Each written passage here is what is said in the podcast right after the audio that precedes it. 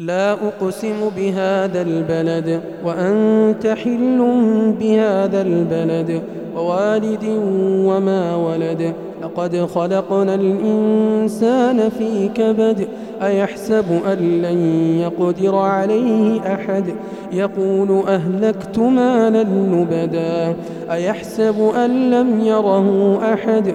ألم نجعل له عينين ولسانا وشفتين وهديناه النجدين فلاقتحم العقبة وما أدراك ما العقبة فك رقبة أو إطعام في يوم ذي مسغبة يتيما ذا مقربة أو مسكينا ذا متربة.